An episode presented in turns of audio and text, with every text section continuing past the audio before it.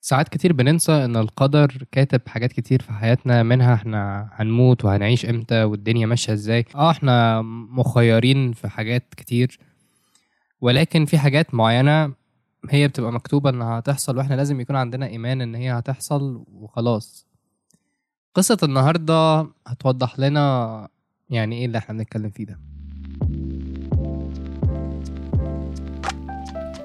إنتم دلوقتي بتسمعوا بودكاست ده واقع ولا عبس مع يوسف إسلام.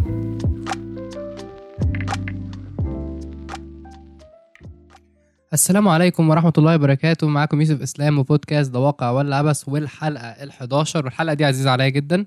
عشان إحنا بنتكلم على موضوع مهم جدا وهو موضوع القدر. القدر حاجة مؤكدة موجودة عندنا في الحياة. آه لازم كلنا نقتنع إن كل حاجة بتحصل في حياتنا مكتوبة. وإن مهما مهما مهما ال scenarios اللي في حياتك آه، كانت وحشة أو أنت حسيت بعقلك الضئيل إن هي بتدلي آه، إن هو هيحصل في الآخر حاجة مش لذيذة اعرف إن هو بنسبة كبيرة ده أحسن سيناريو كان مكتوب لك يعني من ربنا. طب الكلام ده إحنا هنستدل عليه بأنهي حاجة؟ أنتوا عارفين طبعا إن إحنا في ال format بتاعت ال story time هنحكي قصة النهاردة ال characters بتوعها خياليين ولكن هي قصة مهمة جدا وحلوة جدا يعني. وهتعرفوا ليه ال characters خياليين يعني في الآخر. القصة بتحدث في في في فرع Domino's Pizza اللي في شارع العريش في الهرم. عندما تكون هناك ال- ال- المديرة اسمها فوزية وال staff هناك أحمد ومحمد وفريد وعندنا حمدية. خلينا نركز في فريدة وحمدية. كان عندنا واحد اسمه أحمد ساكن في صلاح سالم. أحمد كان بيطلب بيتزا من Domino's Pizza لمدة حوالي تقريبا سبع سنين من سنة 2009 وكان بيطلب كل يوم بيتزا. يعني الفرع كان عارفين اسمه. أنا جات لي فترة كنت كده مع Buffalo Burger من حوالي خمس سنين ولكن أنا يعني ما بقتش آكل كتير من الفرع صراحة ما كانش حلو. المهم فكان بيطلب وما كانش ليه طلب محدد. يعني إحنا عارفين مثلا أنا يعني Papa John's مثلا البيتزا اللي هناك chicken ranch Pizza Hut مثلا ال cheese lovers إنما هو ما كانش ليه order محدد. اللي كان محدد إن هو دايما لازم يطلب كل يوم من سنة 2009 يعني تقريبا بقاله في حدود 2007 يعني. بقاله في حدود يعني سبع سنين. المهم جه في سنة 2016 آه، حمدية تكلم الأستاذة فريدة تقول لها أحمد بقاله 11 يوم ما بيطلبش. نعم؟ إزاي يعني؟ ده متعودين نطلب يطلب كل يوم. آه طب روحوا روحوا تشيك عليه شوفوا كده كويس ولا لأ. المهم خدوا يعني في حاجة طبعا مش متعودين عليها ما بتحصلش في مصر أصلا يعني. خدوا ال- الموتوسيكلات وكده وراحوا هناك اطمنوا وكده وخبطوا الباب وكده. هي تستشعر من جوه إن هو النور كان مفتوح والتلفزيون كان مفتوح آه، حمدية والشخص اللي كان سايق الموتوسيكل معاها ولكن آه، ما كانش حد بيرد وما كانش حد بيفتح الباب. وكان ده غريب جدا في حد ذاته خض جدا ال- الناس لدرجة إن هم قاعدين يخبطوا خلاص هيكسروا الباب. طبعا آه، راحوا مكلمين آه، الإسعاف وكده والإسعاف دخلوا البيت ولقوا الراجل جاله stroke جاله سكتة دماغية بشكل ما وقع على الأرض وكده ولحقوه بشكل ما والراجل عاش في الآخر. يعني هم عملوا له اللازم والراجل الحمد لله عاش وبقى كويس. وكانت قصة غريبة جدا إن إن Domino's Pizza ينقذ حياة آه، شخص اسمه أحمد وساكن في صلاح سالم ومش عارف إزاي العريش وصل لصلاح سالم الصراحة. القصة دي بتفيد لك بحاجة. طبعا مش معناها إن أنت تروح تطلب تختار مطعم وتفضل تطلب منه منه مدى الحياة يعني. ولكن ال concept نفسه بتاع فكرة إن الراجل ده ما كانش مكتوب له إنه هيموت في سنة 2016 ولا كان مكتوب له إنه هيموت بالطريقة دي وكان مكتوب له إن إن فكرة إنه بيطلب البيتزا مش البيتزا لأ ال idea بتاعت ordering البيتزا بشكل عام هي اللي أنقذته. مين اللي أنقذه؟ المطعم. المطعم اللي هو بيطلب منه. ممكن تاخدها بقى انت في كذا سكة. تاخدها في فكرة الولاء مثلا اللويالتي لشخص ما لمكان ما لحاجة ما في حياتك عمرها ابدا ما هتيجي عليك. ممكن تاخدها بفكرة إن القدر عمره ابدا يعني ما هيخذلك القدر في الآخر ليك. ممكن تاخدها إنه تسمع قصة وخلاص وتنبسط وتريح وكده. ولكن أنا حابب أقول لكم حاجة إن القصة دي في الواقع حقيقية ولكنها زي ما قلت لكم شخصيات خيالية أنا حطيتها عشان تبقى لذيذة على ودانكم. الشخصية دي لواحد اسمه كيرك الكساندر ال- الشخصية دي كانت موجودة في سالم في ولاية اوريجن أو اوريجن تقريبا في أمريكا.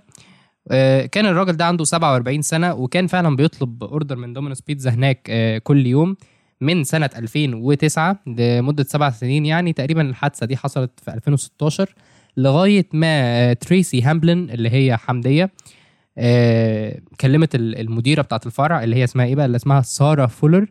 قالت لها الشخص ده ما بيطلبش وكده. وبالتالي القصة دي كلها حصلت.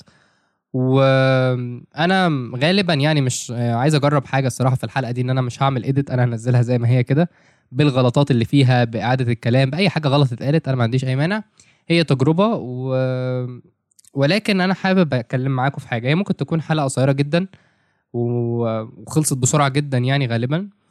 ولكن بصوا يا جماعة آه، عايز أوصل لكم رسالة مهمة جدا عشان نكون خرجنا على الأقل بمورال كده خفيف. Whatever you are going through ايا كان ما تمر به في حياتك آه، ايا كان حاجة سيئة جدا جدا جدا سيئة بالنسبة لك أو حاجة حلوة جدا جدا اعرف إن كل حاجة هي بوابة لحاجة.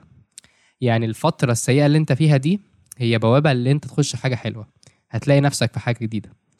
الفترة الوحشة اللي انت فيها هتلاقي نفسك فيها ان انت بتتعلم حاجات. الفترة الحلوة اللي انت فيها استمتع بالحلو فيها مش قصدي ان هي تبقى فترة دخول وحش بس زي ما بيقولوا لما انت تكون داخل في مرحلة فشل آه، وتحاول تطلع لمرحله النجاح الأصعب بقى من مرحلة انك توصل للنجاح ان انت تفضل على النجاح. بس إيه بقى اللي بيربط كل الخيوط دي ببعض؟ القدر. القدر اللي نجح النهارده أحمد أو الكسندر whatever عايزين تاخدوها إزاي اللي نجحه وخلاه يعيش حرفيا يعني عشان Domino's Pizza لقوه مش بيطلب مش بي يعني مش بيطلب الدليفري بتاعه ف كلموه آه، وما فراحوا راحوا له البيت وعملوا له انعاش طبعا ما أعرفش الكلام ده ممكن يحصل في مصر ولا لأ ولكن دي حاجة كبيرة يا جماعة. دي حاجة كبيرة إن ربنا في الآخر حطك وسيلة لحاجة ما. الناس اللي في حياتك آه، الحاجات اللي في حياتك شغلك دراستك ايا كان الحاجة اللي أنت ممكن تتخيلها أنا كلامي هنا شامل جدا. أنت مجرد أداة ربنا يخليها لحاجة تانية.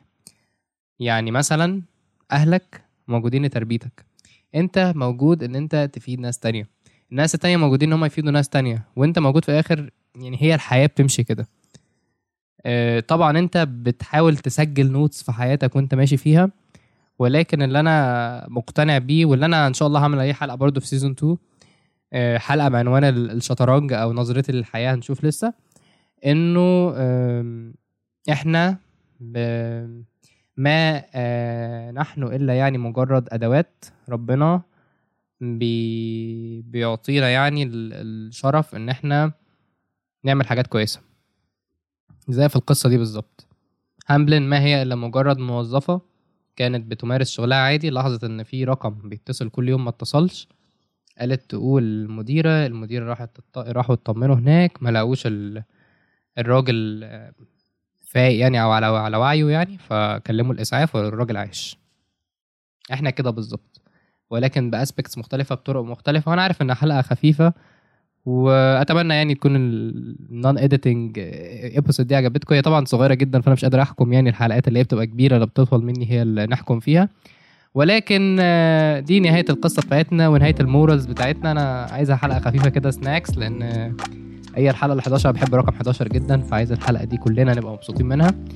بس كده لو عجبتكم الحلقة دي ما تنسوش تروحوا على ال post بتاعها بتاع انستجرام تكتبوا رأيكم هل هي شايفينها واقع ولا شايفينها عبث ال morals اللي في القصة. هل عجبتكم أكتر ال version ده لو كان حصل في مصر ولا ال version الحقيقي بتاعها للأسف اللي في أمريكا؟ ما تنسوش برضو تعملوا لنا rating على Apple Podcast تكتب ال review بتاعك إيه رأيك في البودكاست عدى 11 حلقة أهو إن شاء الله فاضل أربع حلقات وال season 1 يخلص. وتكتب كمان ال rating بتاعك تحط ال five stars وكده وتظبطنا يعني لو مش هيضايق جنابك يعني.